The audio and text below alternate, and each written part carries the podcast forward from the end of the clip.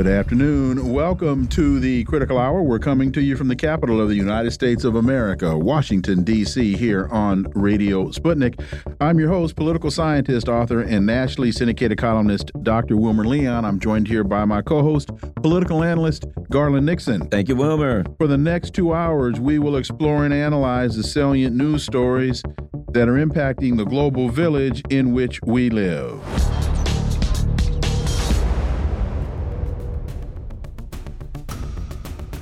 RT reports blast rocks Iran's key gas pipeline. A massive fireball and column of smoke were captured in videos circulating online. Is this Nord Stream redo or redux? For insight, let's turn to our first guest. He holds the John J. and Rebecca Moores Chair of History and African American Studies at the University of Houston. He's one of the most prolific writers of our time. His latest books in, are entitled, I Dare Say, a Gerald Horne reader, and acknowledging radical histories. Dr. Gerald Horne, as always, sir, welcome back. Thank you for inviting me. A large blast has uh, ruptured a natural gas pipeline in central Iran, according to the Mehr News Agency, uh, citing local officials. Evaluation teams have been dispatched to the scene to assess the damage. Uh, Dr. Horne, your thoughts? Uh, of course, this could just be a, an unfortunate occurrence. It could also be sabotage. Uh, your thoughts? Well, it's understandable why you would suspect sabotage in light of the Nord Stream 2 incident of a year or so ago, whereby the Pulitzer Prize winning journalist Seymour Hersh reported that the U.S. authorities were deeply implicated in that crime. Interestingly enough, you may recall that months before this crime, Olaf Scholz, the German chancellor, was sitting next to or standing next to President Biden, where President Biden more or less promised that this Nord Stream 2 pipeline would not go through. And of course, the results are predictable. That is to say, that Germany, which is an occupied country, has become even more dependent upon energy supplies from the United States of America, which has been a boon to energy suppliers, not least in Texas and alongst the Texas Louisiana uh, border. And so when we see this incident today with regard to Iran, obviously we are quite suspicious because we also know that the United States uh, has been bent and determined on destabilizing the Islamic Republic uh, ever since the overthrow of the Shah some decades ago. Uh, their accomplice in crime, speaking of Israel, has a similar motivation. And in fact, we already know that Israel has been involved up to and including uh, assassination attempts and successful attempts on the lives of Iranian scientists. And then we also know that the United States and Israel are looking for scapegoats in light of the unfolding debacle, not only in Gaza, where the flower of Israeli youth are being carted out in body bags on a regular basis, but increasingly in northern Israel, where confrontations with Hezbollah in southern Lebanon have sharpened of late, and the U.S. authorities and the Israelis would like to blame Iran for this situation and ignore the local grievances in Palestine and in southern Lebanon. And that's not to mention what's going on with regard to the stiff sanctions, and I choose that word carefully, that the Yemenis have imposed upon Israel. That is to say, uh, attacking vessels headed towards the Suez Canal, presumably towards the Israeli port, uh, port of Eilat. Uh, this has slowed down commerce in Israel considerably. The economy is in free fall.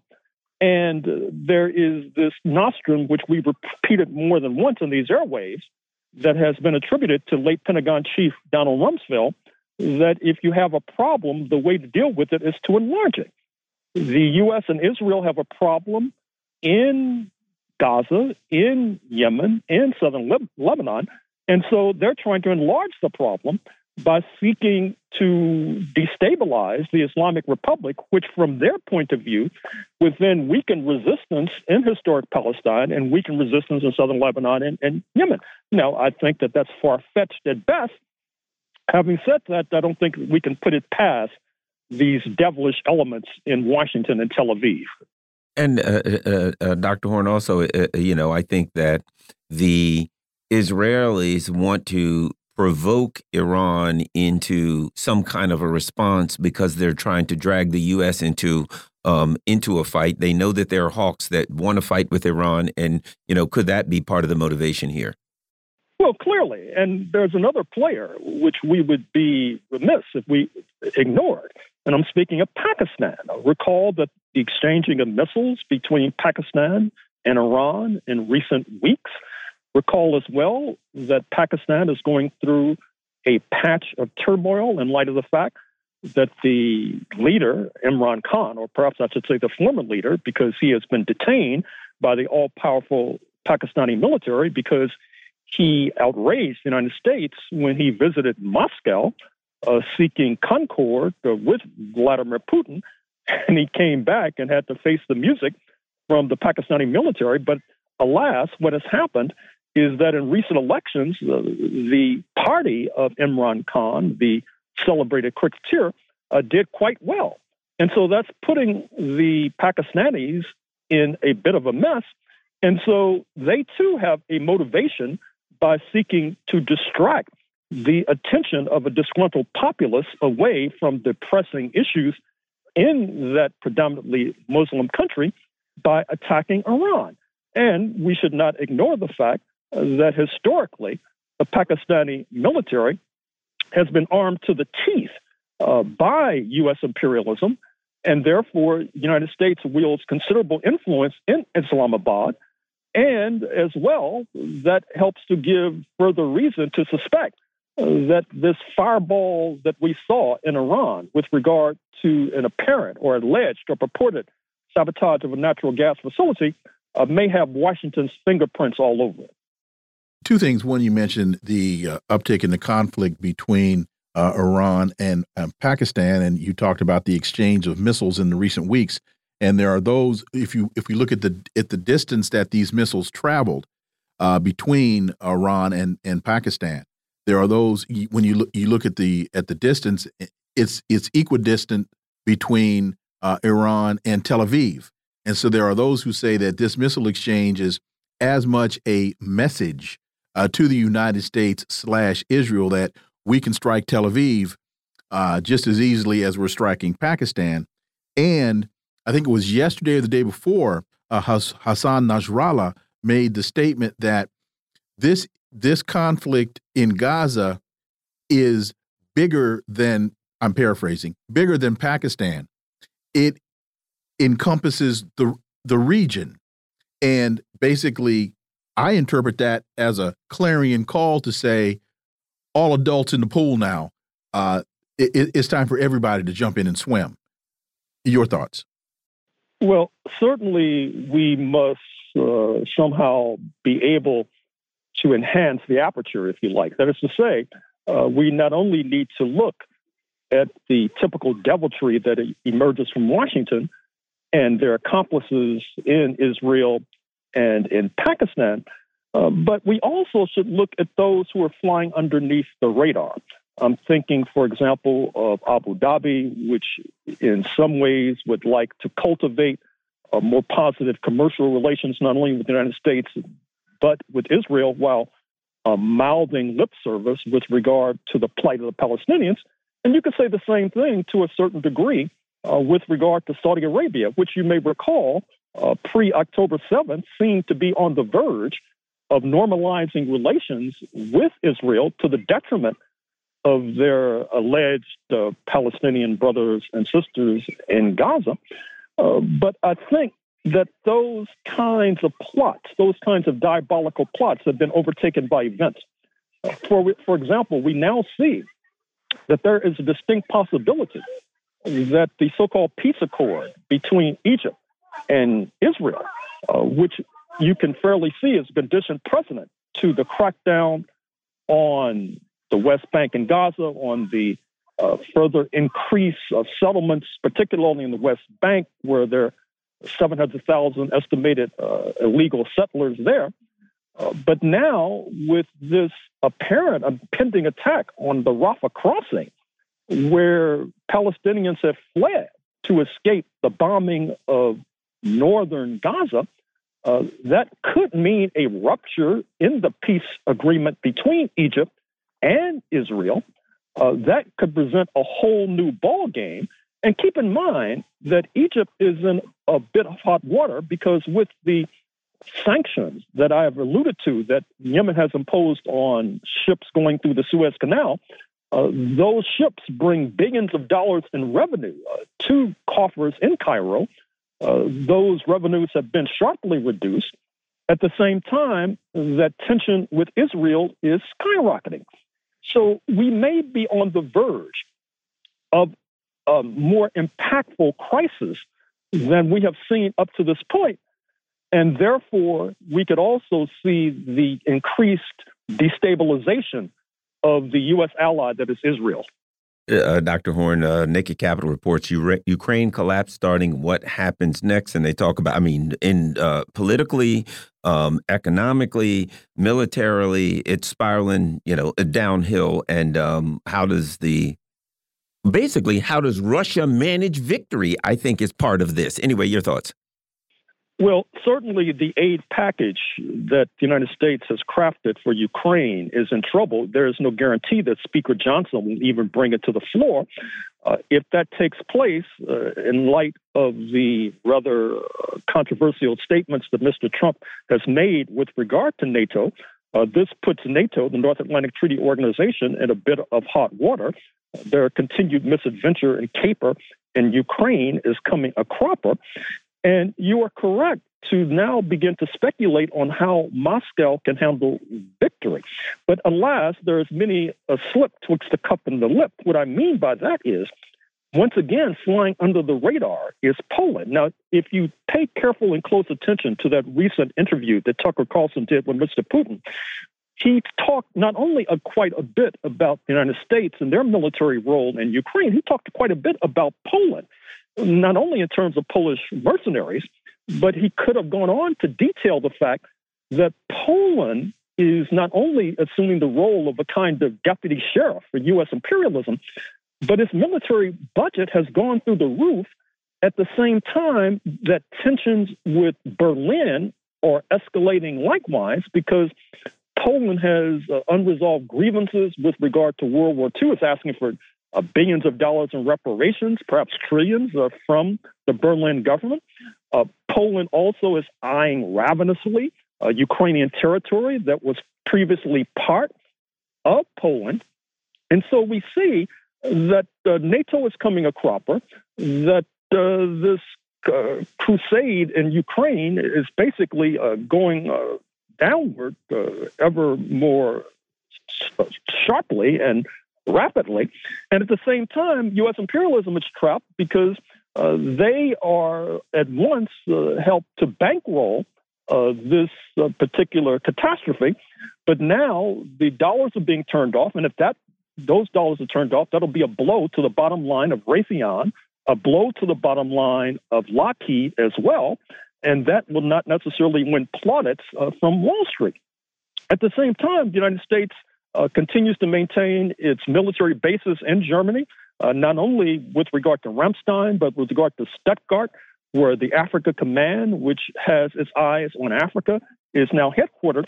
And so there is quite a bit of investment, political, diplomatic, and economic, in this maneuver that we see unfolding uh, in Ukraine. But now it seems to be headed like a goodly number of U.S. corporations for bankruptcy. And Dr. Gerald Horne, as always, thank you so much for your time. Greatly, greatly appreciate that analysis. We look forward to having you back. Thank you for inviting me. Folks, you're listening to the Critical Hour on Radio Sputnik. I'm Wilmer Leon. I'm joined here by my co host, Garland Nixon. There's more on the other side. Stay tuned.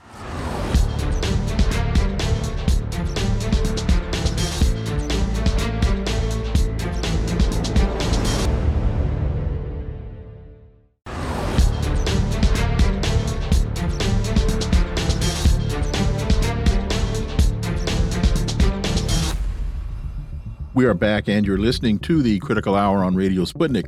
I'm Wilmer Leon, joined here by my co host, Garland Nixon. Thank you, Wilmer. Fox News reports Joe Biden is, quote, the big guy, end quote. Tony Bobulinski said during unshakable testimony amid impeachment inquiry. Hunter Biden's ex business associate, Tony Bobulinski, testified that Joe Biden is the big guy and said the president continues to lie to the American people about his involvement in his son's business dealings. How significant is this? Well, for insight, we turn to our next guest. He's a, uh, independent journalist whose work can be found at Substack and thepolemicist.net, Dr. Jim Kavanagh. As always, Jim, welcome back. Always pleasure to be here. Bobulinski, who worked with Hunter Biden to create the joint venture Sinohawk Holdings with Chinese energy company CEFC, and said he met with Biden Joe in 2017, provided unshakable testimony behind closed doors at the House Oversight and Judiciary Committees yesterday. Jim, this in and of itself is a problem. But when you add this to the other calls that are coming from the Democrat Party elite saying, Joe, it's time for you to go, they're adding more fuel, more logs to the fire. Dr. Jim Kavanagh. It seems so. Look, we've known this before, of course. This is uh, the Bobulinski stuff came out with the Hunter Biden laptop. They initially tried to claim uh, that we didn't know if this was real, Russian disinformation, whether these are real emails. The emails they knew were real, they are real, real emails from Bobulinski. They're, he, he really did know Hunter Biden, and they really did talk about this, and they really did have an email about the big guy, and it's hard to fathom who the big guy could be but Joe Biden. So we've known about this. I'm I was kind of a little surprised to hear that the, this impeachment investigation. I forgot about that. In, you know, with all the other news that's been going on, is still going on. So yesterday they have Bobulinski for eight hours, and he confirms that the big guy is Biden, which means we're setting aside setting aside ten percent for the big guy. Means Biden's getting paid by from his son's activities with the Chinese. Uh, and now, of course, as you say, Biden's in a lot of trouble anyway. You know, it, it's becoming clear to everybody. It's becoming impossible to deny that he has cognitive problems. Where you know we have a DOJ report that we're not going to charge him because he's not cognitively competent to stand trial, in effect, and therefore we're not going to charge him. So now you have that coming up and being explicitly talked about by the Republicans and not just the Republicans. He's not competent to stand trial. He's not competent to be president. So this is a is a is a, another log. It's an old log, but it's being put back on the fire. It's a smoldering log, and, and, the fire is growing every day. And I, I don't see Biden. Well, as I said, for over a year, he's not going to be the Democrat nominee. Just questions how long, how much longer is he going to last as president? Yeah, and you know what's the thing about this is when you look at this, what you see is the um it, it, what's going on at the top? Because you know Joe Biden was doing that and this and and if you look at the Democratic Party right now they're like oh this is terrible. Oh these are all lies. I mean you know they come out um afterwards the Democrats come out of these meetings and to me it's like really guys? I mean the evidence comes out and the best you can say is like either it's Russian disinformation or it's some lies. The level of corruption. When you look at what happened in Ukraine and, and Hunter Biden and all of the other people besides Hunter uh, Biden that we're doing it, both Republicans and Democrats, you realize that it's what's going on in Washington D.C. is pure corruption. Yeah, I mean, post post Soviet Russia and Ukraine were playgrounds for corruption, for you know making deals and sucking out some of the oligarchic money that the oligarchs had sucked out of the the public uh, public industries that they bought on a shoestring. So this was a, you know, everybody was in on it, and uh, these characters were all, and uh, the the Hunter Biden was looking for getting some money out of China. Look, these were considered for a while. Oh, they're going to be friendly capitalist corruption playgrounds. Now they've. It's only since the corrupt the Biden um, Putin crackdown on the corruption, and the Chinese have, you know, with great discipline, managed their economy. That now the Americans wake up and wake and find, oh my gosh, we're really in trouble from them. They're really overtaking us. So now they're our enemies, and anybody who dealt with them is a traitor or enemy in any way. But everybody did, you know. So uh, now you have that situation, and it's coming up. And uh, I, there's no denying this that Biden Biden's family was involved, and that you, you got to try and tell me who else the big guy is going to be. But you know, the, the, the, amazing thing, and and and the, the stuff about the, uh, the Biden's cognitive disabilities now. You know, the Democrats tried to spin this uh, Hur the the DOJ uh, the DOJ special counsel was just gratuitously mentioning. No, wasn't gratuitously mentioning that. He was mentioning it as the reason why he wouldn't charge him. That's not gratuitous.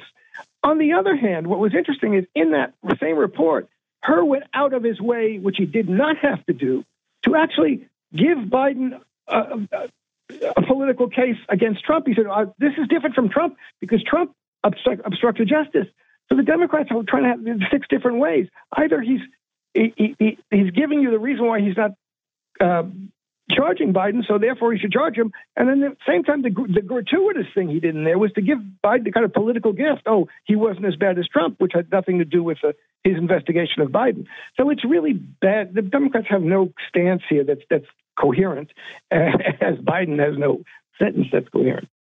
And and to your another element to the point that you just raised is they tried to say that uh, Hur is not a medical doctor, and so he how can he make well he wasn't he he never used the words um, alzheimer's he never used the he never even said cognitive decline what he said was the guy couldn't remember when we had our meeting he was stating the facts of the conversation.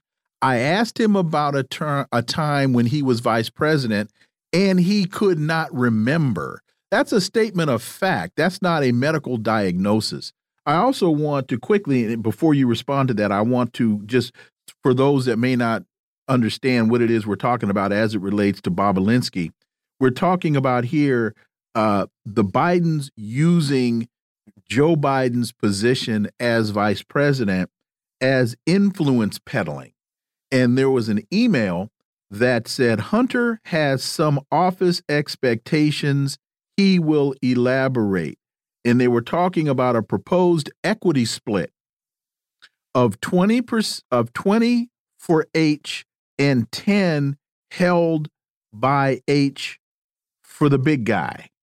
And Bobulinski is saying that the big guy is Joe Biden. And this also validates the IRS whistleblower Gary Shapley, who and Joseph uh, Ziegler, who claimed that politics had influenced the years long federal investigation into Hunter Biden, also said the big guy was known to be Joe Biden. So now Bobulinski is validating statements made by IRS whistleblowers Gary Shapley and Joseph Ziegler. Yes, you're right. These are all uh, confirm, confirmations from a number of different sources. And, and Hunter had said in another email to his sister. You know, I always got to give 10% to, to dad, essentially.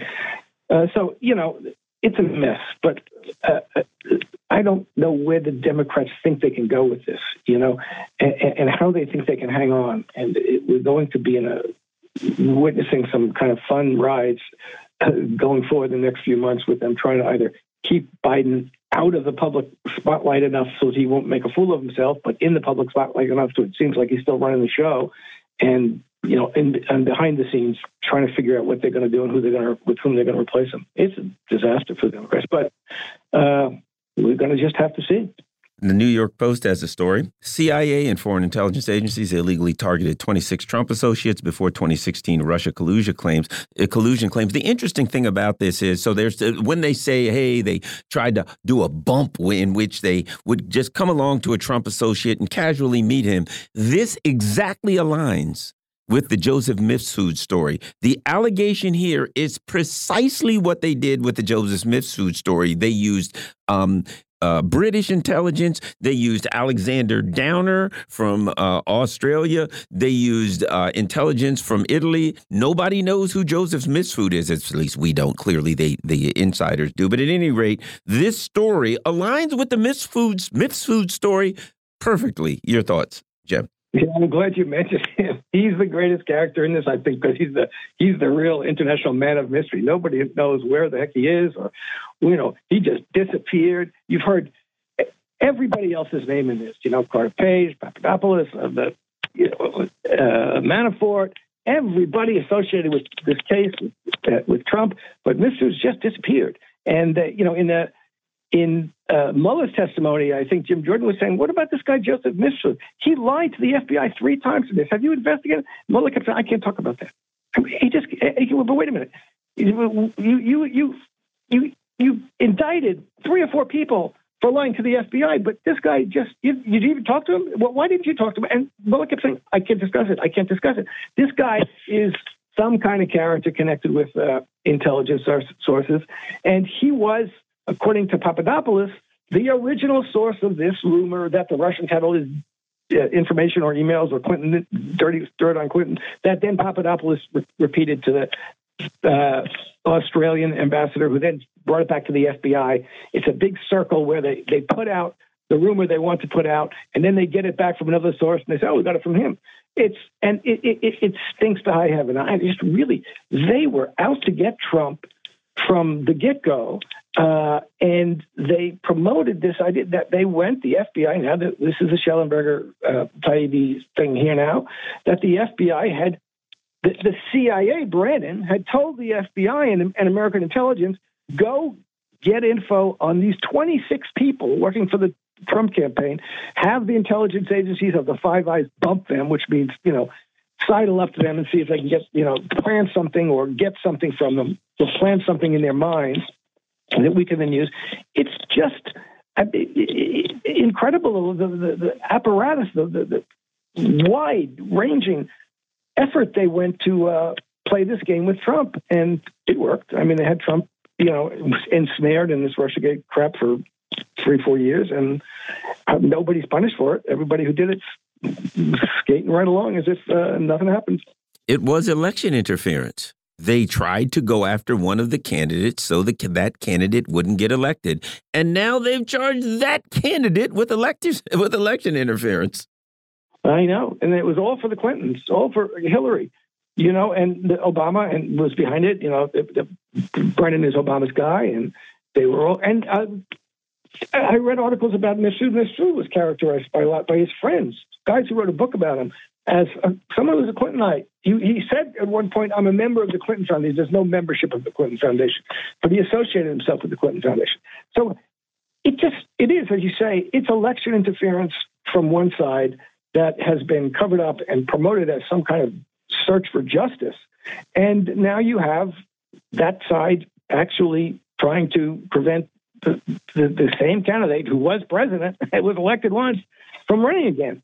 And uh, they get away with it. I said the main thing is that they get away with it, and they think they're doing something right and protecting democracy by preventing people from having from from knowing the truth or putting out fake stories or preventing preventing your opponent from getting on the ballot.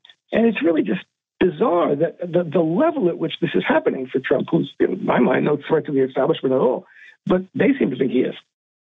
Well, and it's also people need to be concerned when you look at the securitist nature in which the CIA went outside of the country to get other agencies to do the work that the American Constitution prohibits the CIA from doing. The CIA is not allowed to I said constitution, it's not constitutionally. It, it legally, the CIA is not allowed to spy domestically. That's the FBI's job. And so the CIA went to other agencies outside the country to get them to do a task for political subterfuge that they are legally prohibited from doing. That's exactly right. It's the offshoring of uh, prohibited, legally prohibited activities onto their friends in the other countries' intelligence agencies, which then do the work for them. And then provide the source material for them. Oh, we heard it from the Australian uh, uh ambassador, so we got now we have to. We didn't find this out. We didn't go looking for it. We didn't. It was someone told the someone else and somewhere else told the Australian ambassador who came to us and said we have this information. Now we got to investigate it. And this is what they do. They uh, uh, they offshore what's illegal to them, but they get it done de facto by people who are essentially working as their agents, as their, their cat's paws, and uh, doing the work that they're not allowed to do. And it's a reciprocal thing. They all help each other and wash each other's hands and uh, make sure the, the, the dirty hands, the the, the, the hands of the uh, home home intelligence agencies stay apparently clean. And as we get out, this also uh, uh ties to the U.S. citizens who went to the uh, Ecuadorian embassy in London and were spied on by the CIA. They are suing uh, in New York uh, for the CIA action, and the CIA just says that uh, they're going to claim state secrets. Yeah, I mean, this is what uh, I don't know. The CIA can do that. I mean, I think they're going to claim that they weren't in the United States or something, so therefore they weren't protected by the. It's going to make some kind of claim like that. Right. But these are the these are the claims that governments make throughout the world. It's national security. It's a state secret. And the British certainly do that all the time. Uh, we like to pretend in the United States that it's only done by our enemy dictators, et cetera. But it's done by a lot of countries, and the United States has a radically, you know, First Amendment and anti-surveillance policies that on the books are radically protect, protective of citizens' privacy, but are being via these mechanisms are being uh, violated all the time. Dr. Jim Kavanagh, as always, thank you so much for your time. Greatly, greatly appreciate that analysis, and we look forward to having you back. Thank you. Folks, you're listening to the Critical Hour on Radio Sputnik. I'm Wilmer Leon. I'm joined here by my co host, Garland Nixon. There's more on the other side. Stay tuned.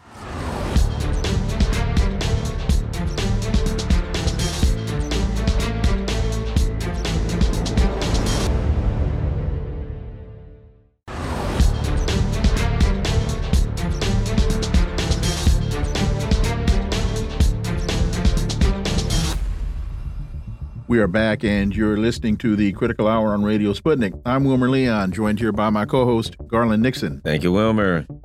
Inkstick reports how Guinea Bissau's political crisis could boil over. In a region hit hard by coups, will Guinea Bissau crumble under the weight of its political divides?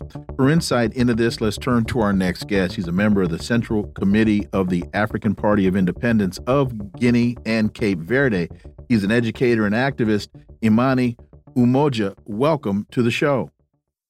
Okay, welcome. Thank you so very much, Wilmer Garland, for having me on your show today.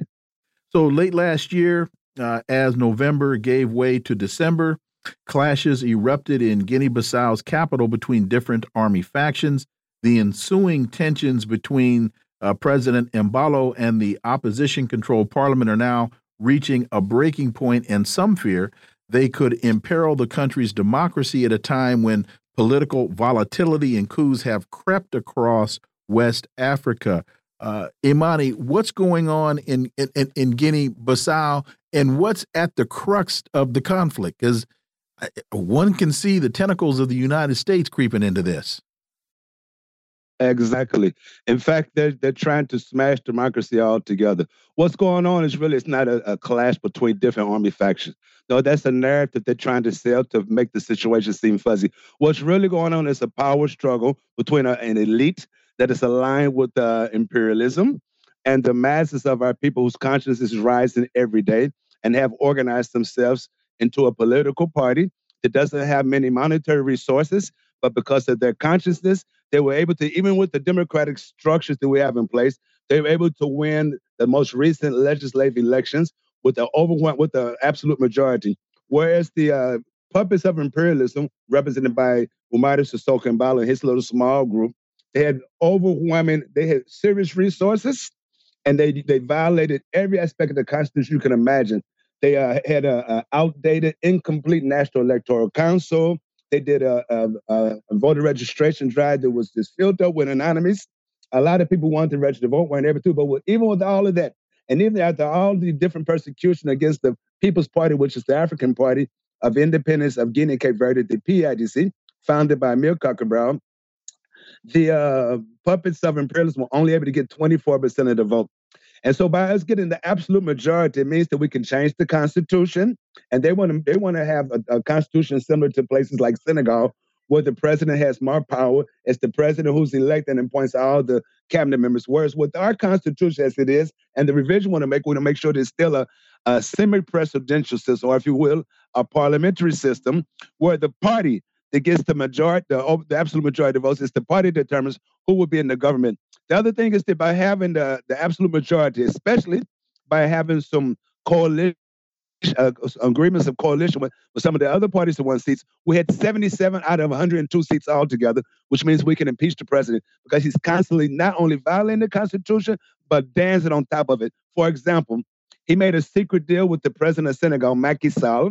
That's his big brother, the pup, another puppet of uh, French imperialism. He made a secret agreement with them to give to give them a lot of our petroleum. So when the secret came out, it went to the National People's Assembly, and the National People's Assembly made it null and void. Just just being an example. The other example is that what the Constitution, it says that when you have ele- legislative elections for at least 12 months, you cannot, in any under any circumstance, you cannot dissolve the National People's Assembly. We just had the most recent elections in June, the 4th of June, 2023. And it's in December that they use this uh, this uh, this narrative, this false narrative, to try to justify dissolving the National People's Assembly, which you cannot do. We had elections in June. You cannot do it at least until June of this year, 2024. The other thing is that with the National People's Assembly, even if there was a serious conflict between institutions, a grave, a grave crisis, as they say. You cannot just wake up and wash your face and, and dissolve the National People's Assembly. There's a process that has to go through. The president of the republic would have to call the president of the National People's Assembly, which he didn't do. They're supposed to meet. After that, he would have to call all the parties that have representatives in the National People's Assembly, which he didn't do. Then after that, he would call for the Council of State, which he which he did, but he just called for me and said, I'm going to dissolve the assembly. The meeting's over. But if you did, if he did constitutionally dissolve it after the 12 months period, went through that process that I just described, we have a permanent commission made up of 15 deputies. The president of the National People's Assembly, the two vice presidents, and the second two secretaries of National People's Assembly, the other representatives from the parties they have seats. They they will take care of day-to-day business on the day-to-day business, like what's happened in the past. In the past, there have been times when the National People's Assembly was dissolved and the Permanent Commission kept on working. That's not the case now. There are armed masked men surrounding the National People's Assembly, stopping even the workers from going in to clean up the building so nobody can in. And this happened uh, uh, less than two months after they had mass men surround the house of the president of the National Supreme Court, as well as Supreme Court office buildings, and, and made him resign under duress. So the reason why do, they're doing all this is because we're supposed to have presidential elections this year in November, and they know that they will lose very badly because of the results of the most recent legislative elections. Which means that um, if you look at the situation in West Africa and the world, that means that once again, those, those who are puppets of France will be kicked out of power, which means they will have less access to resources. Like I mentioned, the petroleum, but we also have a, a more than 100 different minerals, and we have a very strategic port in southern Guinea-Bissau in a place called Buba, which is one of the deepest ports in all of Africa. And so if we when we develop that port, we can have a railroad go from Guinea-Bissau up into Mali.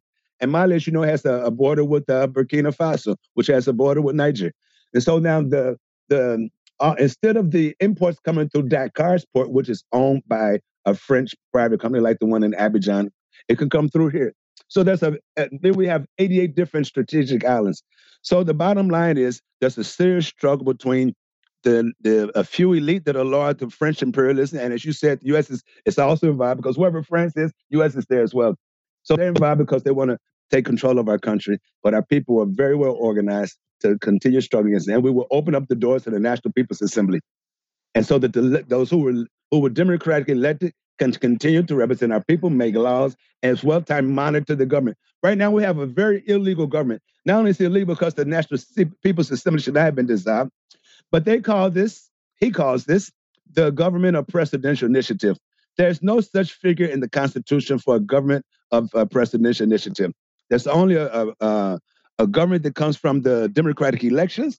And then if you met all the criteria to have the National People's Assemblies out, then that government would, the government that was elected would stay into place for no more than three months to make sure they manage their affairs until we have the next elections. You know, we uh, we see a, a, number of countries in the region that are, you know, uh, uh, ridding themselves of French imperialism. What are the um, uh, uh, natural resources that Guinea-Bissau has that the imperialists are, you know, have have such an eye on? The reason that they want Guinea-Bissau so bad. Okay, uh, we have about a hundred different uh, strategic resources, but I'm going to start off with petroleum. Uh, ever since the time of Portuguese colonialists, they knew we had petroleum offshore, and they suspected we have it onshore. But with the development of technology as well as the development of our technicians, we know for a fact we have commercial uh, commercial quantities of petroleum, both offshore and inshore. And this year, at first they said May 9 is June, they're scheduled to start drilling this uh, petroleum. So if the if through Senegal, if they're able to get this a, agreement with Umaro Sissoco Embaló, then that means effectively it will be the French petroleum companies like Total to exploit that petroleum. The other resources we have are a lot of thousands of tons of bauxite in the eastern part of the country. We have phosphate in the northern part of the country. We have uh, gold, diamonds, and then we have some other natural resources that are not exportable, like the port that I mentioned. That's that's a port can bring more. A, a deep water port means that you could have four large ships that have the capacity to transport 240,000 square tons at a time. Four of those can be anchored at our port at the same time which means that the transportation will be less expensive coming through Guinea-Bissau, going to the other surrounding countries, which means that the ports in uh, Dakar, Senegal, a neighboring country to Guinea-Bissau, and uh, places like Conakry, Guinea, uh, Abidjan, Coast, which means that the transportation, the, the flux of ships going to those ports will reduce significantly. As uh, we have just about two minutes, as this conflict continues to develop, how do you see it playing itself out? Does it become more volatile? Does it become is is the military going to uh, where is the military as it relates to uh, its reaction or response to the government or to the people?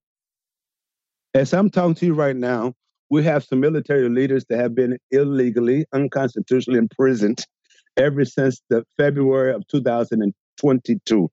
The other important, important fact is right now we have 650 armed members of the Senegalese army, the Nigerian army, with a few others from a few other countries in West Africa, what they call an armed stabilization mission of ECOWAS, the Economic Community of West African States. The rationale behind bringing this armed stabilization, so-called stabilization regime, is because the the overwhelming majority of the soldiers in the army voted in favor of the PIDC in the most recent elections. You have a few leaders of the army who are on the payroll of the president of the country, and they get a lot of the special gifts. Like, for example, the army chief of staff has a house in uh, in Dakar, another house in Morocco. So you have a few of them that are that are working with him. Then he has this uh, militia, which he calls the presidential guard, but it's really just a militia. So it's really like a, a powder keg. Okay. And I also want to make, I would like to make a quick point here that the army in Mississippi is very different than the armies of Senegal or Gambia, other places. We didn't inherit the army from uh, the colonialists. The army that we had, the nucleus of the army that we had, the People's Revolutionary Forces, were those armed mil- militia, those armed militants inside of the PIDC, the ones that, that whooped the Portuguese and their NATO allies. Okay. Okay. Imani Umoja, thank you so much for your time. Greatly, greatly appreciate that analysis. We look forward to having you back. Okay, well, I really want to thank you, Wilmer and Garland, for uh, having us on your show, and we look forward to coming back anytime you want. Thank anytime you. of day or night. Thank you. To get the correct information out to our people. Folks, you are listening to the Critical Hour on Radio Sputnik. I'm Wilmer Leon. I'm joined here by my co host, Garland Nixon. There's more on the other side. Stay tuned.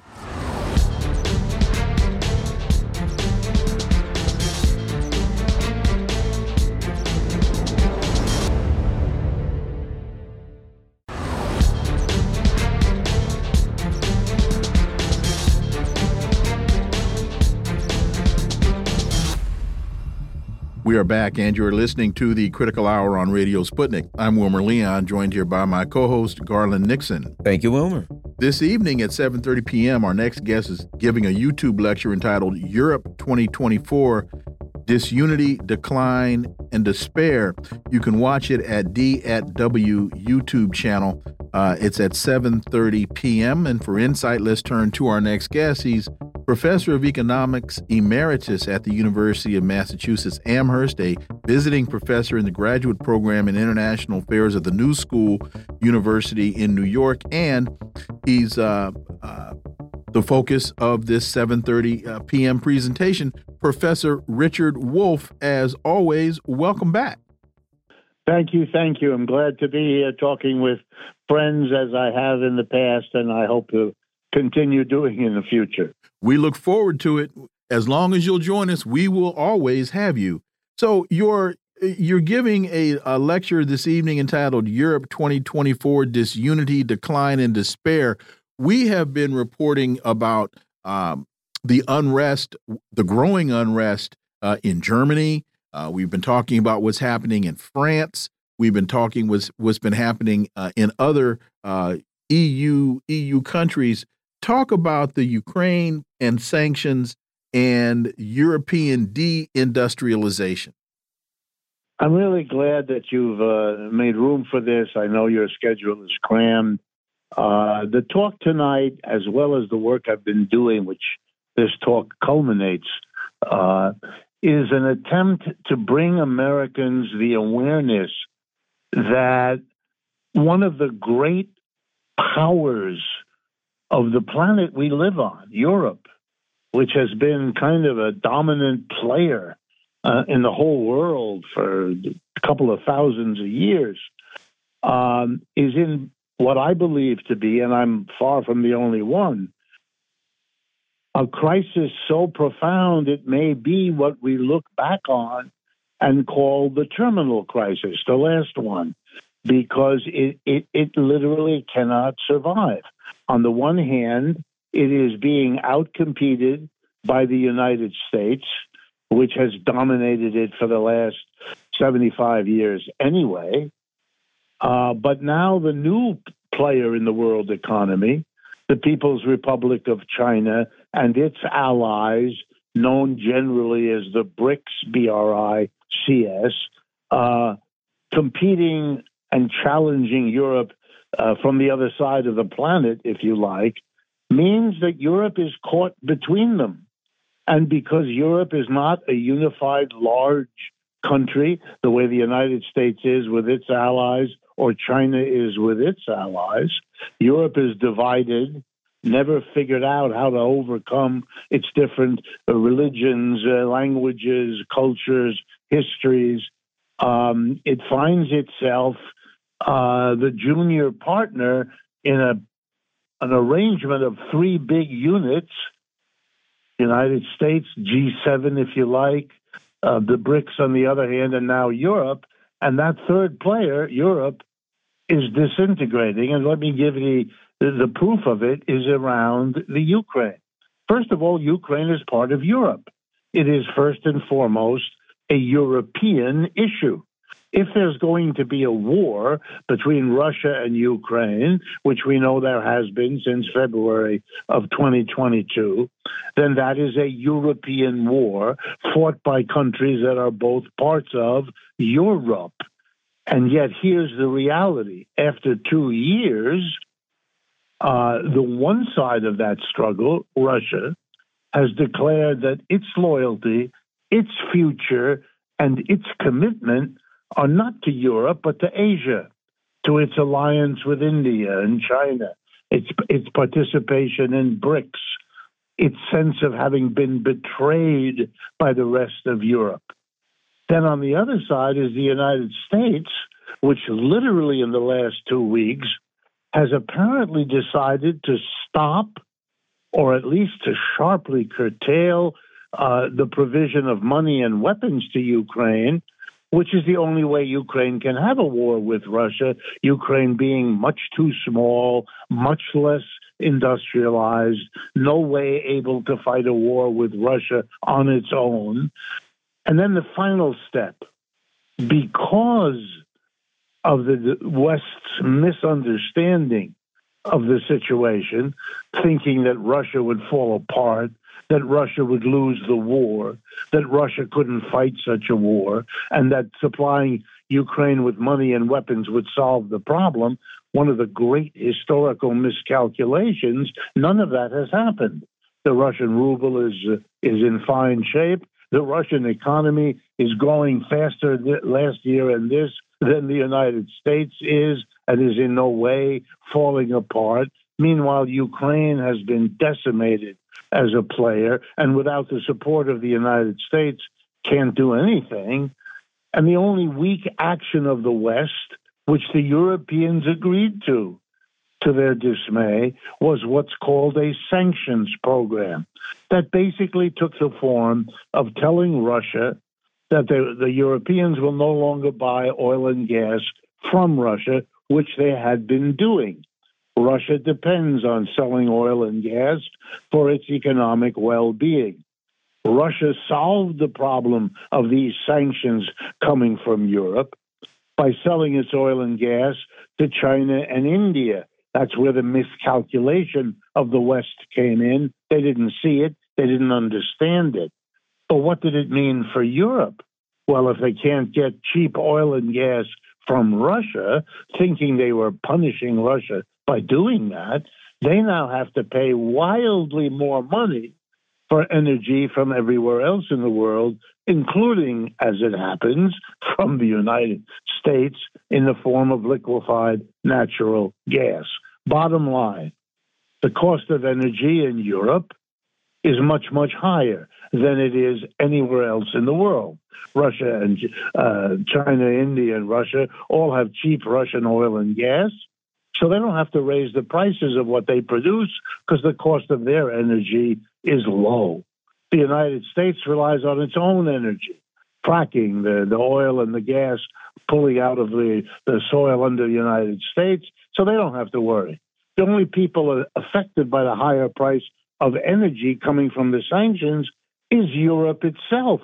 And suddenly the Germans, the most important economy in Europe, has to pay so much for energy that they have to raise the prices of everything they sell, and so no one is buying European or German products. They're all moving to the American or the Chinese alternatives. Europe is actually having a debate over the last 12 months that it is experiencing deindustrialization. Factories are closing, factories are cutting back, companies are moving production out of Europe to the United States or more likely to Asia, Africa, Latin America. Europe is in the worst economic condition imaginable. They are in a, Germany, the powerhouse of the economy of Europe, is right now, as we speak, in a recession. It is in no way able to compete. The war in Ukraine is going very badly for Ukraine, going very well for Russia horrible as the war obviously is for all those caught up in it. But the bottom line is we are looking at Europe, which lines itself up as allied to the United States, and the United States is counting on Europe as an ally. But what has to be understood is that alliance is now an alliance between a relatively still strong but declining empire, the American, and a really critically wounded Europe where it's not clear they'll climb out of it. And let me tell you, that changes every calculation of every country in the world. We are in for very rocky times. And the talk tonight, uh, 7.30, you can find it on the Democracy at Work channel on YouTube um, lays it all out in much more detail than we have time for now. Professor Richard Wolff, as always, thank you so much for your time. Again, that's Democracy at Work channel on YouTube, Democracy at Work channel on YouTube uh, this evening at 7.30 p.m. Eastern. Thank you so much. Looking forward to, to uh, bringing you back so we can have a wrap up uh, to what we watched this evening. Very good. Be glad to do it. Thank you. Thank you. And uh, Garland, listening to that very, very clear explanation, he kind of just goes through a lot of what we've been saying here uh, every day. And he, uh, it's interesting, he talked about a very powerful but declining empire in reference to the United States. Yeah, and additionally, when you look at all of the things that have happened in Europe, Europe is on the decline. When you look at the sanctions, Europe is and Europe is much more dependent on the US. You look at the US's attack on Nord Stream and it leads one to conclude that the demise of Europe is not an accident, that the United States, you know, in targeting China and Russia and other powerful economic blocs, certainly as John Bolton said in his book, saw Europe as a threat and took actions to further subjugate Europe and to impoverish Europe. And might I add, the ruling elite in Europe certainly seems to have been, uh, you know, readily, I mean, you know, ready to ready to go along with this this diabolical plot. And I guess the elite are following uh, the, uh, you know, the, the famous quote, "Let them eat cake," uh, because um, uh, that could cause one to uh, uh, uh, historically that could cause one to lose their head. That could cause one to lose their head lose their lose their country lose their empire.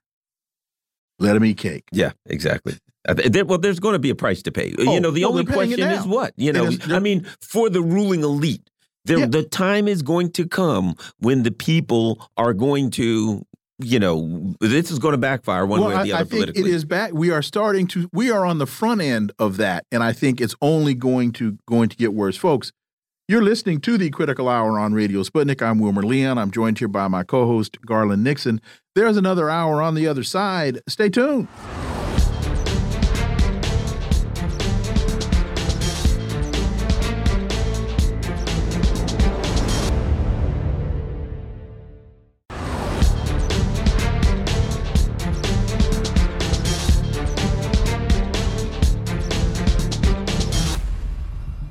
We are back, and you're listening to the Critical Hour on Radio Sputnik. I'm Wilmer Leon, joined here by my co host, Garland Nixon. Thank you, Wilmer. Israel's Ben Gvir says Israeli military should shoot Palestinian women and children.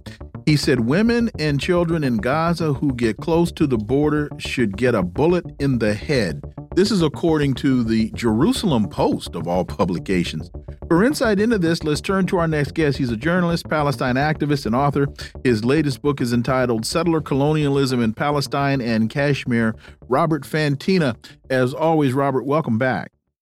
Thank you very much. So help me with the way that this is stated because I don't see it quite as clearly. I mean, there's room for debate, I guess one could say. Quote, we cannot have women and children getting close to the border. Dot, dot, dot. Anyone who gets near must get a bullet, must get a bullet, and then in brackets in his head. Ben Gvir said this during an argument with Israeli Defense Force Chief um, Halevi uh, about the IDF's open fire policies. This is according to the Jerusalem Post. Now, first of all, I find it interesting that it's in the Jerusalem Post.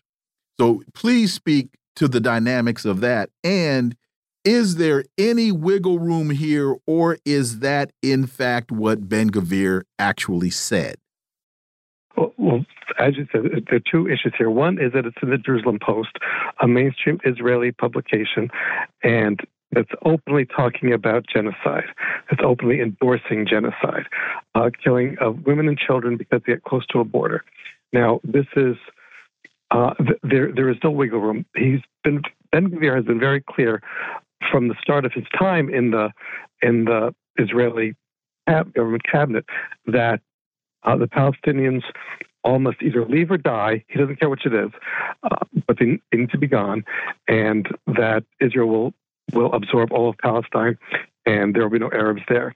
So this is just further further stating and emphasizing what he has believed and what he has been saying for years now. So there is no there is no way of misinterpreting this. Uh, he said, as you quote again, we cannot have women and children getting close to the border. Anyone who gets near must get a bullet in his head. So now the Israel has done this before when a few years ago when Palestinians were protesting at the border, protesting peaceful protests for the right of return. They were shot, uh, many were killed, uh, medics were targeted, all violation of international, all war crimes. And now uh, Ben Gvir is saying, yes, we must continue this. We must continue with this genocide, with these crimes against humanity. And the Jerusalem Post is is reporting it as if it's just normal mainstream news. Yeah, and I think when you look at um, when you take his um, uh, uh, uh, when you take his statements and you uh, look at the what Israel's actually doing, you look at you know mothers being shot with child with their with their children. You look at you know uh, people being uh, you know random civilians being shot, and aligning that statement with the actions that are being taken by the IDF, it, it, it makes it seem quite literal. It is. It is very literal. He's saying kill women and children. And what is the IDF doing? Killing women and children. They don't have to be at the border. They have to just be, they just have to exist, and they're worthy of death by the IDF. And it's not just by it's not just a bullet in the head. Uh, women, children, and men are dying as bombs are being dropped on their houses, on their mosques, on their UN refugee centers. So the idea is kill as many Palestinians, Palestinians as possible in any way possible. It doesn't matter Ben Gvir as long as they're dead. There's a, another uh, very, very disturbing story. Israel proposes creating U.S. funded tent cities to evacuate Rafah. Under the proposal, Egypt would be responsible for setting up the camps along Gaza's coast. They've proposed creating, uh, again, U.S. funded tent cities um, uh, Robert, you know, a lot there are a lot of folks that are trying to defend this policy. A lot of folks that are trying to defend uh, uh, President Biden, saying, "Well, he, his hands are tied. There, there's nothing he can do." Um, this, in my humble opinion, is just further evidence of of the expectations that Israel has in terms of U.S. support, and it, that that expectation is not baseless. It's not baseless at all. The U.S. is willing to support whatever Israel does uh, to the Palestinians or or anywhere, and it's willing to fund it. Now, this this article that you've, you've referenced says that this these U.S. funded tent cities are just one of many uh, possible scenarios. But the U.S. is to fund it. So Israel is driving Palestinians illegally out of Palestine and housing them in Egypt or along the, the border. And they expect the United States to pay for the, the tent cities that will be established. What about the humanity of the people that are being evacuated, that are being shot and killed and bombed every day? They're they're being discussed as if they're they're less than animals. You know, uh, Robert, one of the things when I look at this and you look at the how this compares, you know, there's a, a, a, Democratic, the Democratic Party is in power. They are the party in power. Okay. When you look at how this compares with the 75 to 80% of Democrats who want a um, ceasefire, it's obvious at this point, it's getting obvious that the Democrats are going to get smeared in the upcoming election, that they have no prayer of winning the presidency. But I recall, it brings me back to Nancy Pelosi saying, even if the Capitol crumbled, if everything fell apart, if there was nothing, basically, if there's nothing left of the United States, we will sacrifice our own country from Israel. That's pretty much she's saying. And it's obvious that's applying to the Democratic Party. Right now, the Democratic Party is basically saying, yeah, we're going to get wiped out. We're going to lose the White House, probably both houses. We'll be crushed. But who cares? Because the Republicans will look out for Israel anyway. And we don't care about our own personal party. We don't care about our people. We don't care about nothing. We're going to look out for Israel first. It sounds like that to me, Robert. It's, it sounds exactly like that. We have to point out again that the members, the elected officials, I don't call them representatives, the elected officials of the United States are not beholden to the voters. They are, their loyalty is to their funders, their donors, the people who put them in office and keep them there. And that is the more money you have, the greater your chance of being elected or reelected to office. And uh, pro Israel uh, lobbies are extremely powerful and extremely wealthy. They donate millions and mil- tens of millions of dollars to candidates uh, uh, running for election, re-election, every every election period. So the, this is who the the uh, officials in the government need to please. This is who they need to to uh, keep on their good side. They don't care about the voters because they figure if they have enough money, they they'll be able to get the votes. They'll through their advertising uh, everywhere with that that blood money that AIPAC and other lobbies give them, they'll be able to overwhelm the other candidate and win the election. So it doesn't really matter what the people want. As you said, the overwhelming majority of Democrats that are surveyed want a ceasefire. They want this genocide to end. Biden could end it today. He could, could have ended it any time in the last uh, four months now that's been going on, but he chooses not to because of the uh, the power that a pro-Israeli lobby money gives him and other other people in office. Senator Chris Van Hollen of Maryland calls Israelis war criminals, then votes to send them $14 billion in military aid. Quote, kids in Gaza are now dying from the deliberate withholding of food. In addition to the horror of that news, one other thing is true. That is a war crime. It is a textbook war crime. And that makes those who orchestrate it war criminals. End quote. That's Senator Chris Van Hollen, a Democrat from Maryland. Well, he, he has just he has just confessed to being a war criminal because, because he is orchestrating it. Exactly, and he he knows he he's stated how the what's happening starvation children are starving to death this is just as you said it's it's it's horrible uh, and it's a war crime, and he he has chosen to finance it. Uh, it's just I, I, have to wonder, and I will look this up later, what his total donations from pro-Israel lobbies has been during his career. Uh, well, I can tell you he's not in the top ten uh, because um, I can't. Now I'm drawing a blank on the name, but we did a story on this a couple of weeks ago. Mm -hmm. um, Alan MacLeod Dr. Alan MacLeod did research on who the top 10 recipients of political campaign funding from um, um, the APAC. The AIPAC are, and I don't think he was in the top 10. Uh, Joe Biden was number one. I think Robert, the other part of it is too. You're talking about the carrot, but there's a stick too. Because let's not forget, AIPAC recently uh, said they're going to do spend hundred million dollars to take out members of the squad who voted against them on some particular bill. So yeah, do they use the carrot? Absolutely. But I think the real um, tool that they use most effectively is the stick. In fact, right now, th th that is what, what AIPAC has said is we are going to interfere in the 2024 election. We we don't want the American people to choose their representatives and I use that in with great disdain, represented, as you say, elected officials, we're going to use this money and we're going to decide. But of course, you're never going to see, you know, somebody doing an investigation and charge them for that, as clear and obvious as that is. Yeah, that's it's just more of the same, more of the same hypocrisy. And the U.S. government is always talking about Russian interference in the election.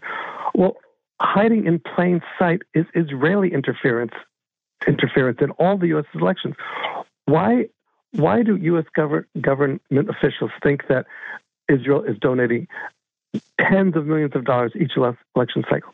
Do they think they're donating it to a, a Congress candidate in I don't know in the Midwest somewhere because that particular candidate is going to uh, reduce taxes for the people? No, it's all done to benefit Israel. They're interfering in the election not for the U.S.'s benefit, certainly, but for the benefit of Israel. Why is that not being screamed about and investigated and, and prevented? The other side of it is the reality in terms of when you look at the numbers uh, in the United States, uh, Americans are overwhelmingly against these actions, Democrats as well. And this is a losing issue, but that doesn't seem to matter. We got we got a minute. Yeah, it doesn't seem to matter because again, the they don't care what the voters want. A survey was done by Fairleigh Dickinson University a number of years ago now that indicated the average voter has next to no influence on what the what legislation passes. That the the entity with the most influence is the lobby groups. That's who runs the government. That's who is running the United States. Robert Fantina, as always, thank you so much for your time. Greatly, greatly appreciate that analysis. We look forward to having you back. Thank you. My pleasure. Folks, you're listening to the Critical Hour on Radio Sputnik. I'm Wilmer Leon. I'm joined here by my co host, Garland Nixon. There's more on the other side. Stay tuned.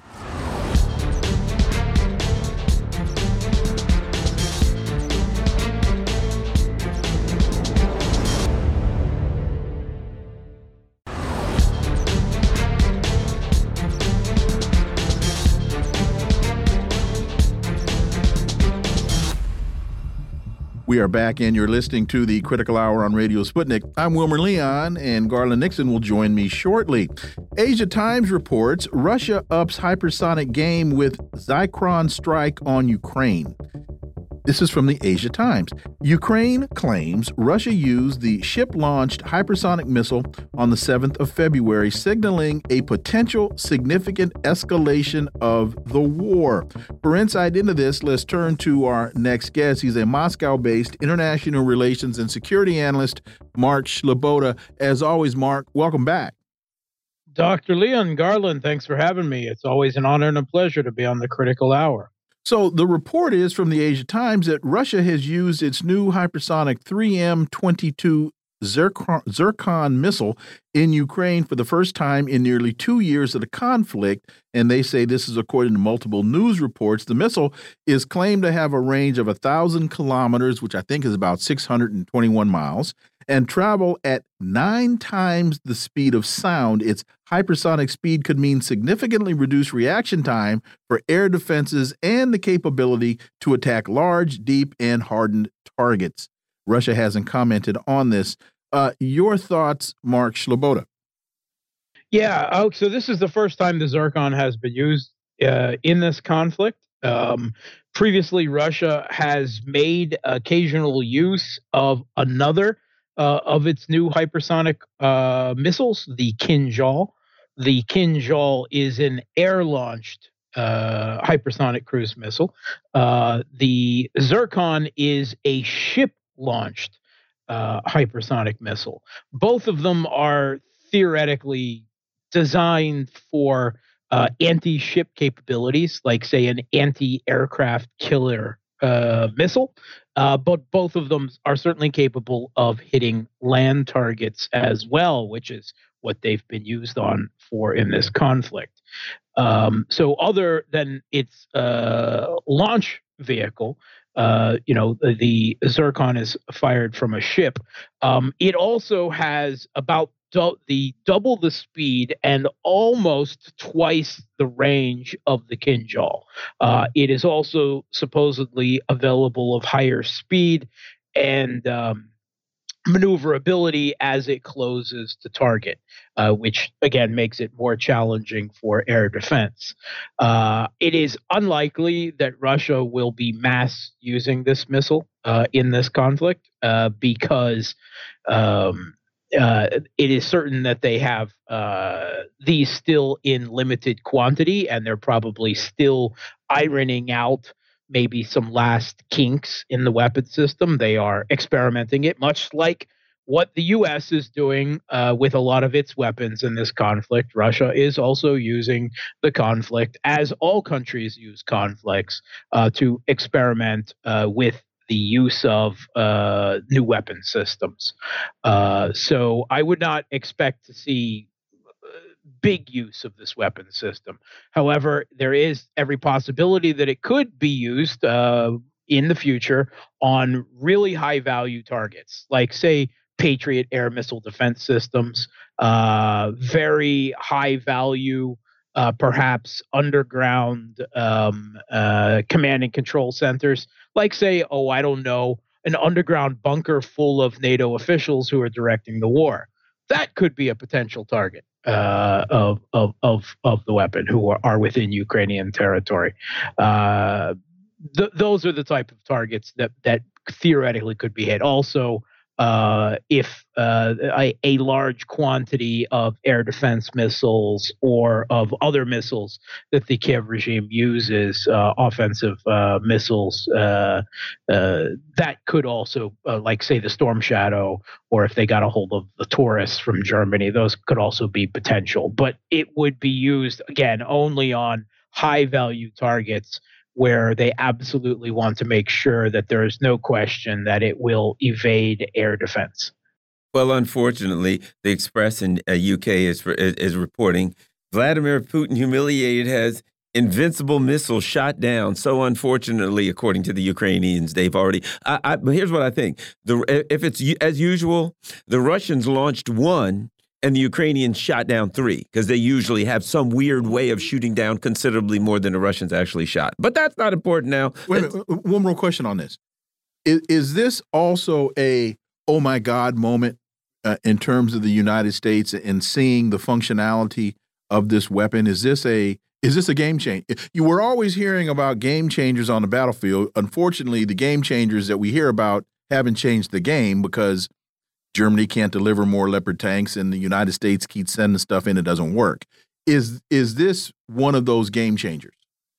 Yeah, this is not a game changer. Okay. Because I do not expect it to be used in the quantities such as. Now, it could be a useful additional to the quiver, right, of long range strikes. It would, again, be reserved only for the most uh, valuable of targets.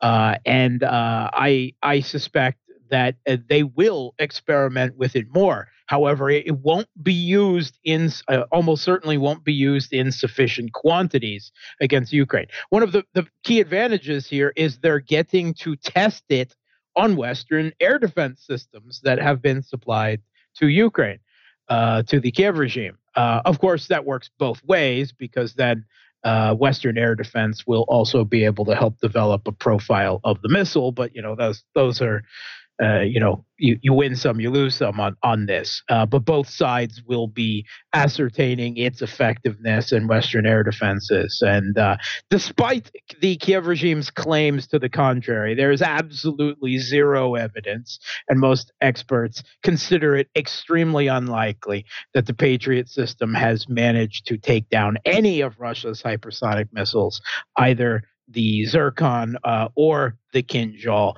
And this is more likely more just uh, ghost of Kiev type propaganda that is meant to uh, stoke morale and and uh, help maintain a artificial inflation of the Patriots' uh, air defense systems capabilities. Sputnik EU reports EU may use potential European army to subjugate dissenting members. You know, I always felt like that. You got to be careful because if you're in France and the French people, as they tend to do are on the street, uh, you know, griping about something, and they've got an EU army. They can send the EU army from the other side of the continent. The people aren't French. They got nothing in common with the French, and they don't care if they shoot members of the, you know, of the French public. To me, it's very dangerous for a country to allow an army that can be used in their country that has nothing in common with their people. Mark. Yeah, um, I don't think that this is a real thing. Uh, first of all, there is no European army, and there are there is no real plans for a European army uh, because the European countries can't even meet. The, most countries haven't even met their two percent defense spending that is, uh, you know, strongly advised by NATO, which is what Donald Trump is making such a uh, campaign issue out of for some some reason. I don't really understand it, but um, you know, supposedly it plays with his base. Um, so, uh, but uh, the, the ability of them to spend that much more that they would need to create a separate armed forces out of that is an entirely different uh, budgetary and and political reality than they are existing in now. On top of that, the United States doesn't want Europe to have another army that is di- not directly under their control and influence. Uh, third of all, I think the European Union has already demonstrated that it has more than enough mon- non military tools uh, and its disposal to bring its member states online. An example of that is tools they have used against Hungary, the withholding of European Union funds. And this uh, last used against Viktor Orban's Hungary, uh, enforcing through the uh, European Union latest aid bill of um, uh, 50 billion euros, was a leaked document to the press, uh, obviously intentionally leaked, that they were developing plans to destroy Hungary's economy as punishment for its not voting foreign policy, you know, uh, uh, for uh, the EU technocrats' preferred foreign policy uh, issue of continuing aid to Ukraine. And eventually, Viktor Orban did indeed back down after that.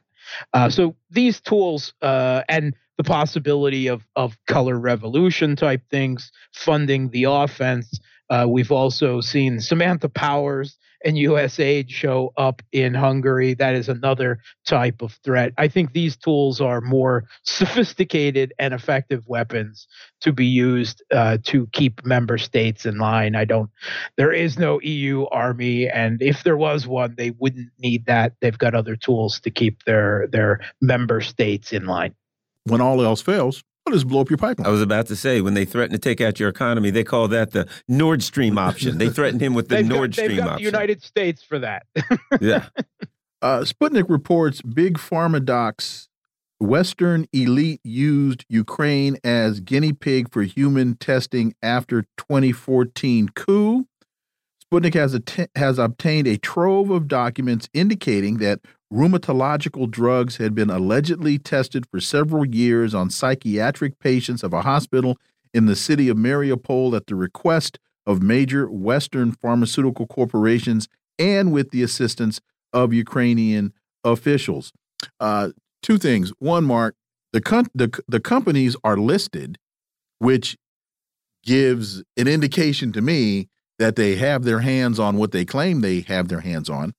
And it also just seems to be another data point that shows a consistent Western mentality of, well, we can use them as guinea pigs, we can use them as cannon fodder, we can use Ukrainians as we want to use Ukrainians.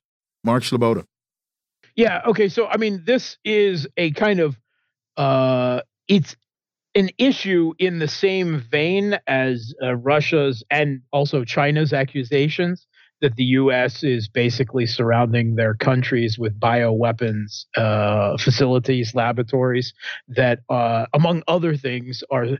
Uh, according again to both the Russians and Chinese, working on collecting genetic material for and developing uh, ethnically tailored uh, biological weapons, viruses uh, that could be used against them.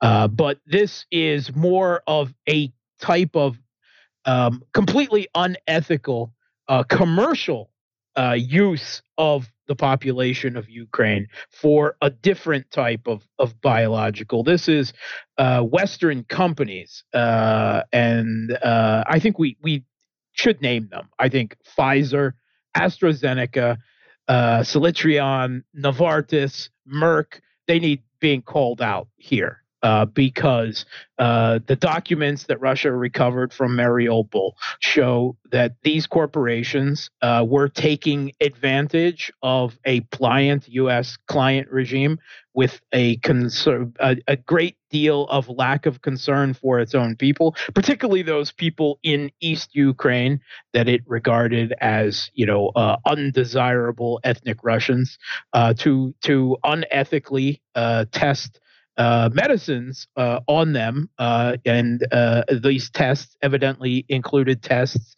on uh, psychiatric patients. and other reports show that other medicines were tested on children.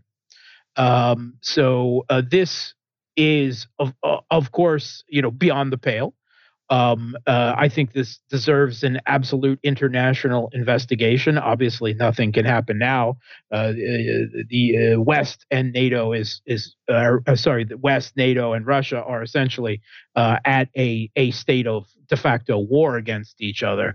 But when this blows over, uh, it should also be a warning to other countries uh, about the type of uh, experiments, you know, whether commercial or military, that the West uh, will be carrying out when they open uh, this type of, uh, you know, uh, medical facilities and experimentation. Usually, there is money going along with it, but the money comes with, of course, requests.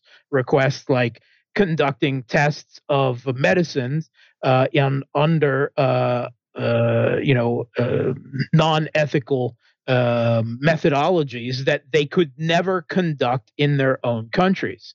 But uh, you know, these are kind of second-class people, so uh, they're just client state people. So this can be done to them. Mark Sleboda, as always, thank you so much for your time. Greatly, greatly appreciate that analysis, as always. And we look forward to having you back. Thanks for having me.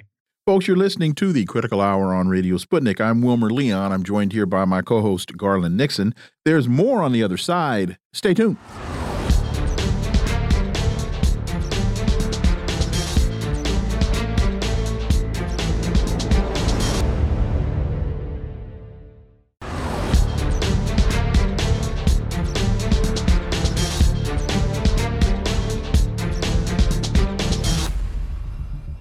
We are back, and you are listening to the Critical Hour on Radio Sputnik. I'm Wilmer Leon, joined here by my co host, Garland Nixon. Thank you, Wilmer.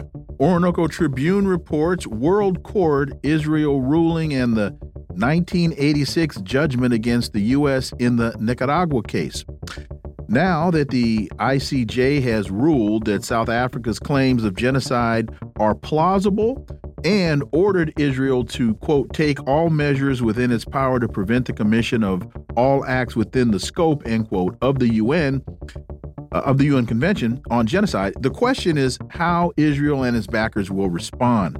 Uh, for insight into this, let's turn to our next guest. He's a U.S. labor and human rights lawyer, writer, author, and activist. He's been a peace activist throughout his life and has been deeply involved in the movement for peace and social justice in Colombia, Venezuela, Nicaragua, and other countries in the global south. He's taught international human rights at the University of Pittsburgh School of Law since 2012. Professor Dan Kovalik, as always, Dan, welcome back. Thank you for having me.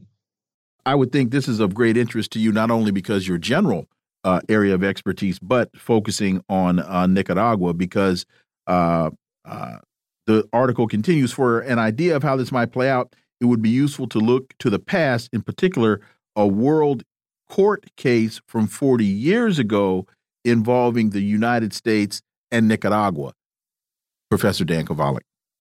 Yeah, well, it is useful, in fact. Um, so, yeah, in teaching international human rights law, I always open with the case of Nicaragua versus the United States. It's considered one of the most important cases in general in international law ever. And it involves Nicaragua's case against the U.S. for uh, creating and funding and supporting the Contras in the 1980s which terrorized uh, Nicaragua for almost a decade. It also invo- involves other various and sundry acts by the CIA, including mining the Nicaraguan harbors and blowing up installation oil installation plants of Nicaragua.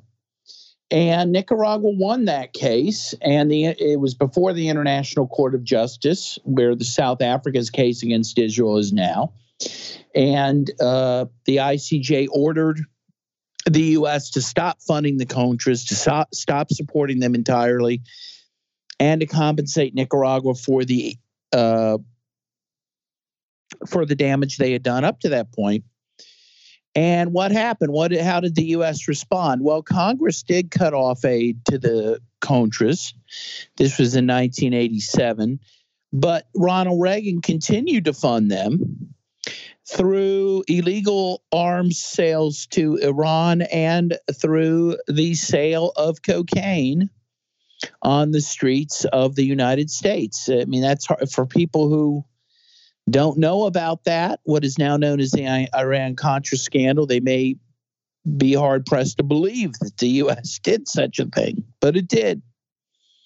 And so this shows the lengths to which uh, in particular, the executive branch of the United States is willing to go to avoid abiding by international law. And yeah, the fear is well, we're already seeing it happen is that Israel, with its backer, the U.S., will not abide by this decision of the ICJ either. And it's clear it won't.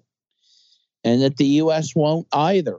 Um, so it's a pretty grim, grim precedent on um, the West's willingness to abide by international law. What's interesting is the U.S. is uh, how they dismissed the, the, the judgment against them when they said the U.S. must quote reserve to ourselves the power to determine whether the court has jurisdictions over us in a particular case. So if the court comes and says Garland, you're convicted of robbing a bank, you know, I don't think this, uh, you guys got a jurisdiction over me. The other part was they said that uh, the also that the U.S. reserves to, to themselves to determine whether, uh, to determine what lies essentially within the domestic jurisdiction of the United States, which is a claim to own the whole planet. When you say, I can go to another country, violate that sovereign, their sovereignty, and that lies within the domestic jurisdiction of the U.S., you're saying the entire planet is within our uh, uh, domestic jurisdiction. So, yeah, your thoughts on that, Dan? Yeah, I mean, you, you, first of all, it has to be pointed out the U.S. was one of the drafters of the UN Charter, which created the International Court of Justice. The U.S. is a party to the UN Charter, to the Charter of the International Court of Justice. It is therefore bound by its decisions. It can't just it can't pick and choose the ones it wants to be bound by. That is not how the law works, but that's how the US has acted really since the UN Charter came into effect. Um, a law that does not bind everyone equally is not really a rule of law, and and and therefore we don't have a rule of international law. And the U.S. has done everything it's it it, it can to subvert that law.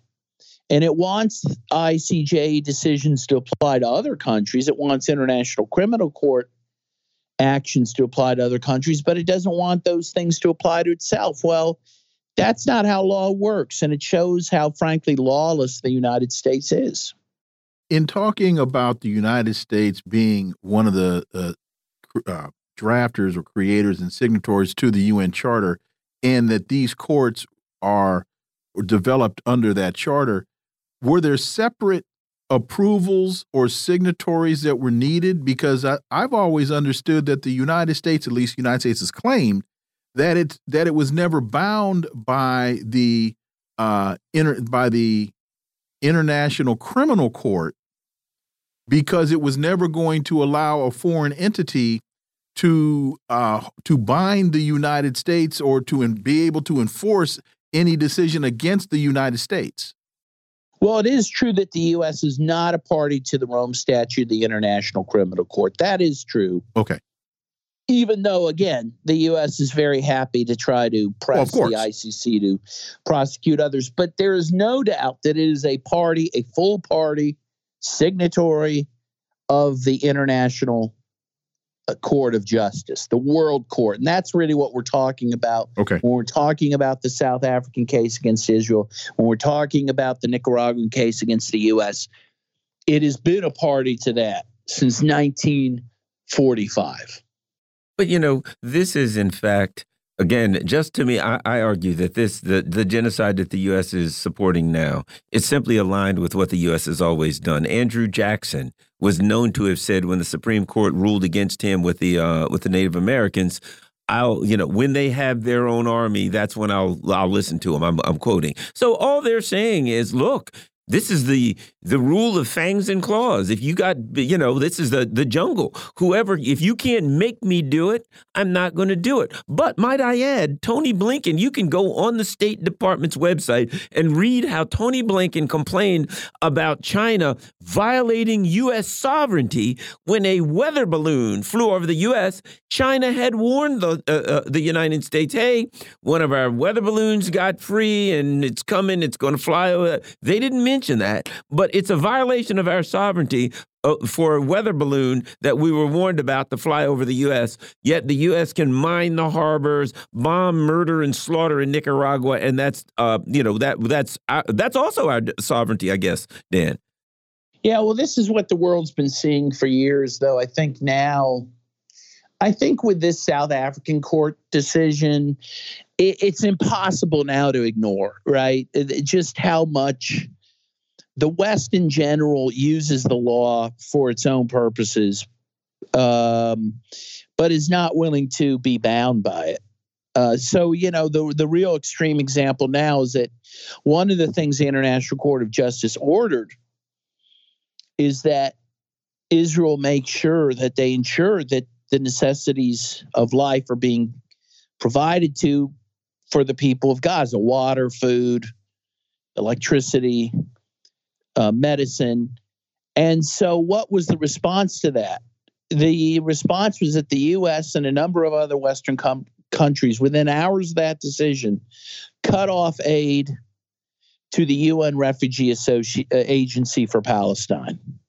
They cut off the very lifeline for the Palestinians. That's how they responded to that mandate.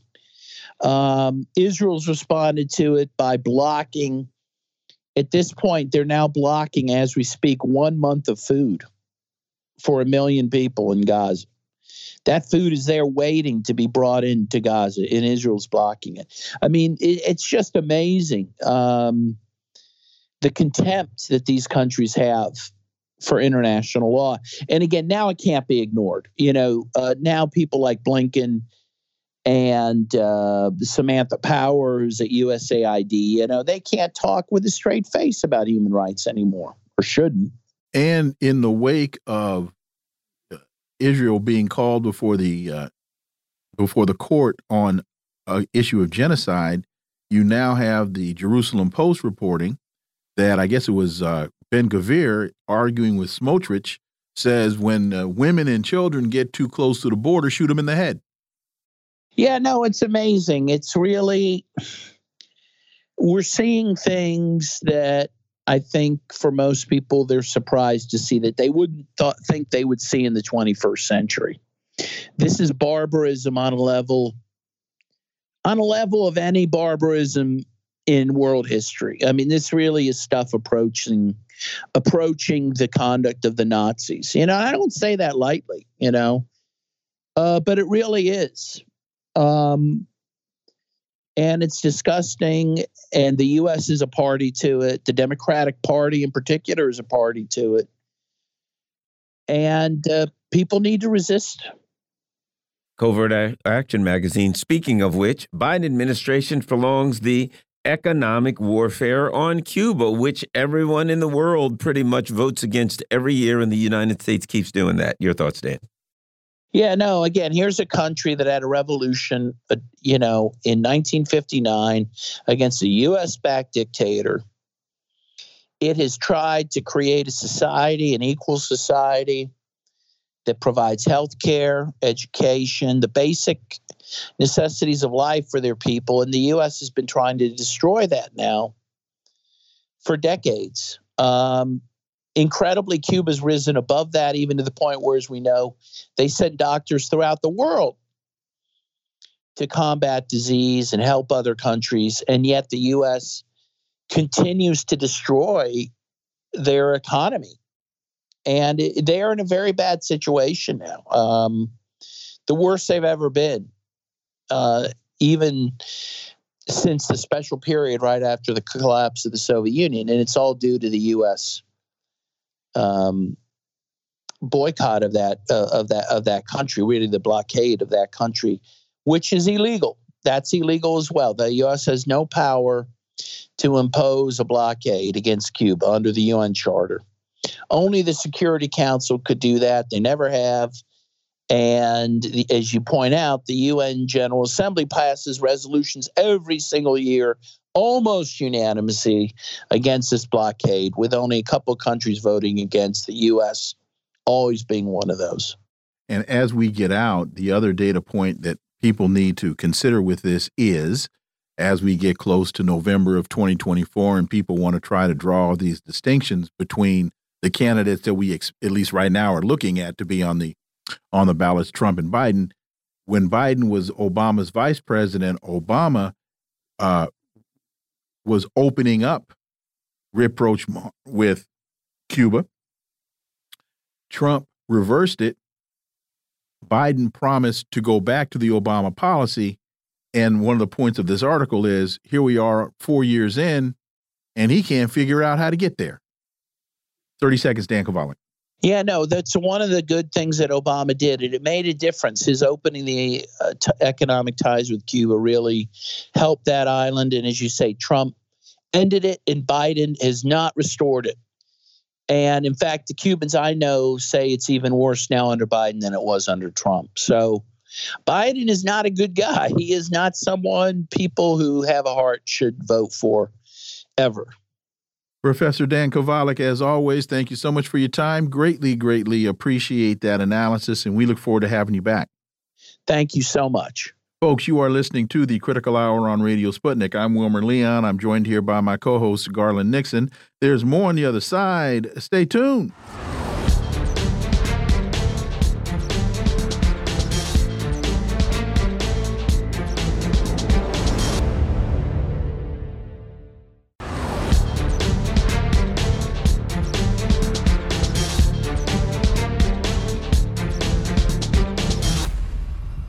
We are back, and you're listening to the Critical Hour on Radio Sputnik. I'm Wilmer Leon, joined here by my co host, Garland Nixon. Thank you, Wilmer. Asia Times reports Donald Trump's 60% solution. Trump's proposed 60% tariff on Chinese imports would shut down the world economy. For insight into this, we turn to our next guest. He's a peace activist, writer, a teacher, political analyst, KJ Noh. As always, KJ, welcome back. Thank you. Pleasure to be with you. So the Asia Times continues in a February 12th Fox News interview. The once and maybe future president was asked if he really wanted to slap a 60% tariff on imports from China. Quote, no. I would say maybe it's going to be more than that, end quote, Trump answered. KJ, we don't think this makes any sense at all. Uh, probably isn't really even possible. It's hyperbole but dangerous and reckless hyperbole, particularly where we find ourselves in the current political landscape. You're absolutely right. It's very, very dangerous. It's very, very hyperbolic, and it's extraordinarily foolish if it were ever to happen. I said this before Trump has a neo mercantile view of the world, and he doesn't understand supply chains because he's a real estate magnate. Real estate doesn't have a supply chain. But your average car has 30,000 components, the vast majority of which come, come from China. Your average F 35 has somewhere between 300,000 to half a million separate components, a large chunk of which come from China. Uh, what Trump is proposing, if he were ever to put it into practice, is, uh, you know, uh, a plan to destroy the U.S. economy. Well, from the looks of things, the uh, you know now the politicians are competing. One are saying they want a war with China, which would in fact destroy the U.S. economy, if not all life on Earth. Now Trump's saying no, no, I've got a better plan to destroy the and it's not quite as violent. It'll destroy the U.S. economy. So what we've got is competing factions of how to destroy the U.S. economy. Oh, might I add, there are those that want to just use Iran and wipe out our access to oil in the Middle East so they can destroy the economy this way. So right now, these lunatics in Washington have a myri myriad of options for complete and absolute destruction of the uh, U.S. economy. Your thoughts, KJ? You're absolutely correct. So, what's clear is that all of Washington is all a rage with war with China. They want war.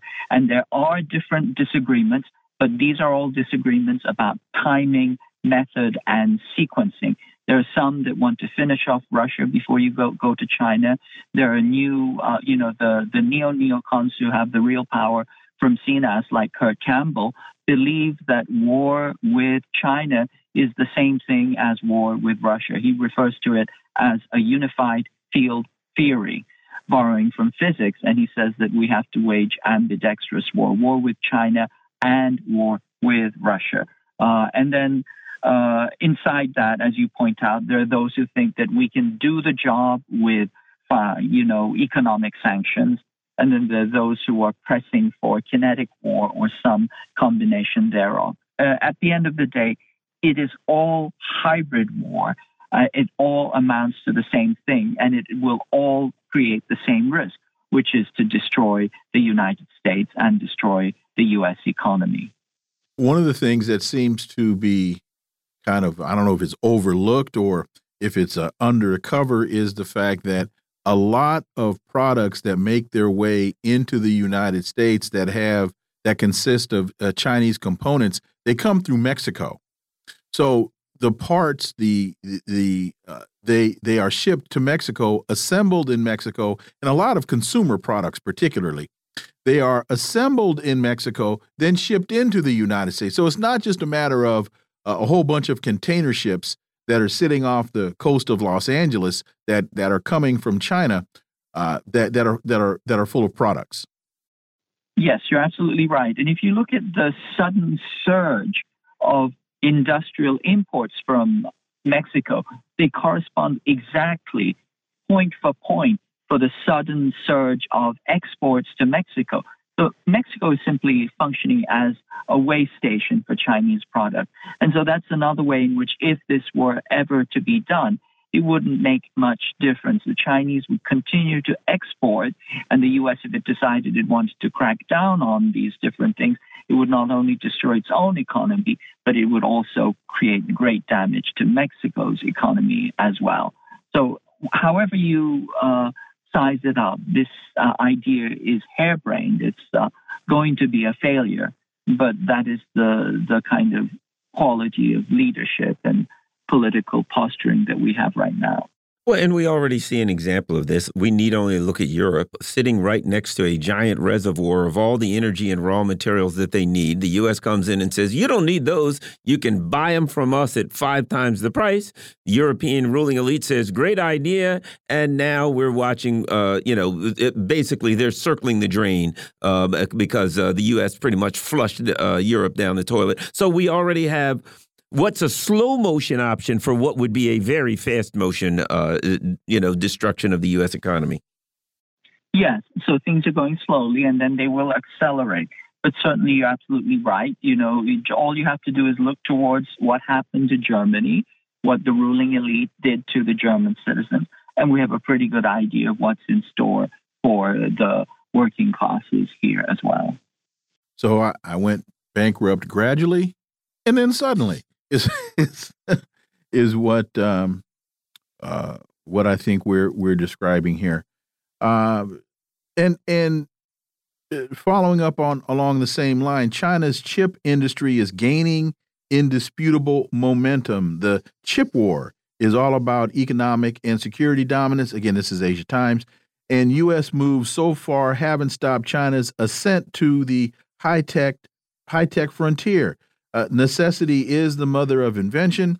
The United States thought that uh, with its moves on Taiwan and TMC, that it would be able to uh, gain control and and and damage China's economy, their industrial capacity by limiting their uh, access to to uh, uh, high high processing chips. Well, China just decided, well, we'll make our own.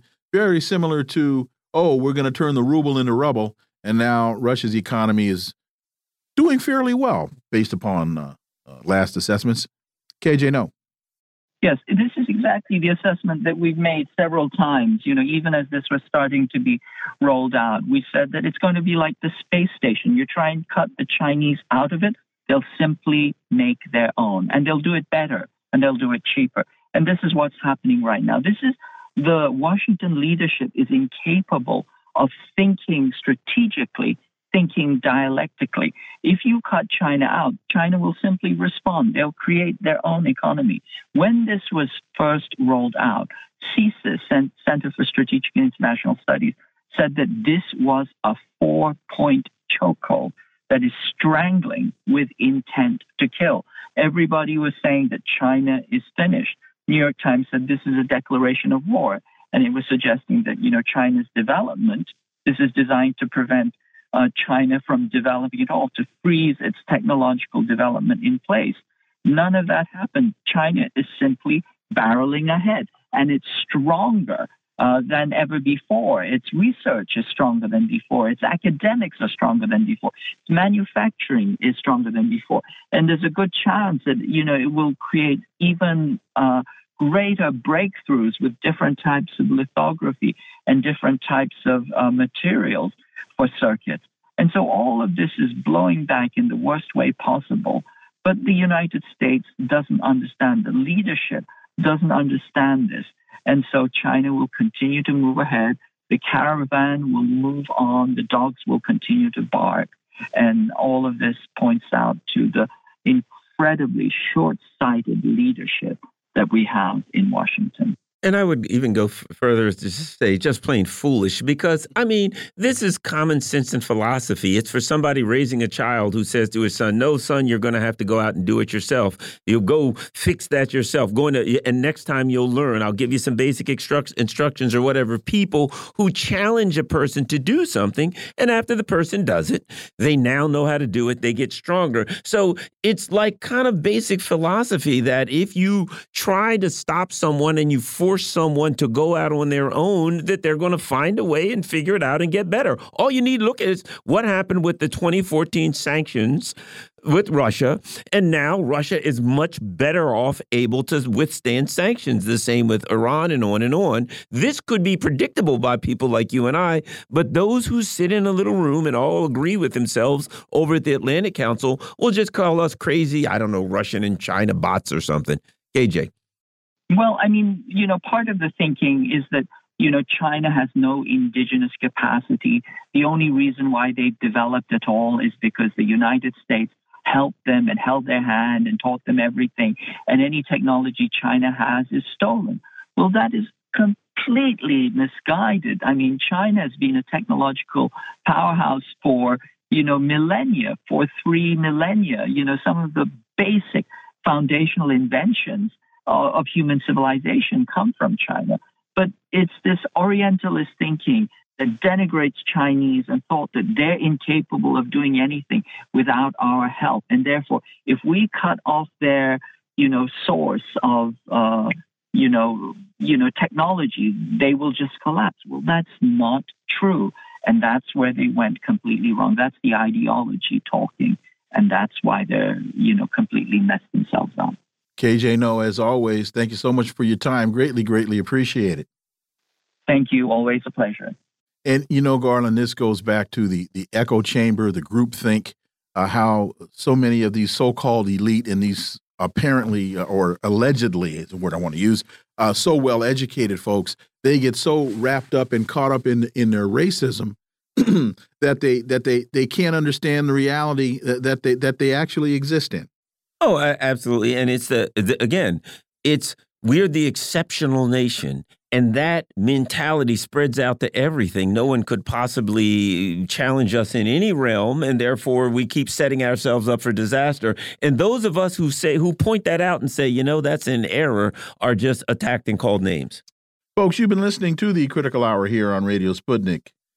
Thank you for allowing your our voices into your space on behalf of myself and my co-host Garland Nixon. We hope you were informed and enlightened, and we look forward to talking with you all right here tomorrow on Radio Sputnik. Be safe. Peace and blessings. We're out.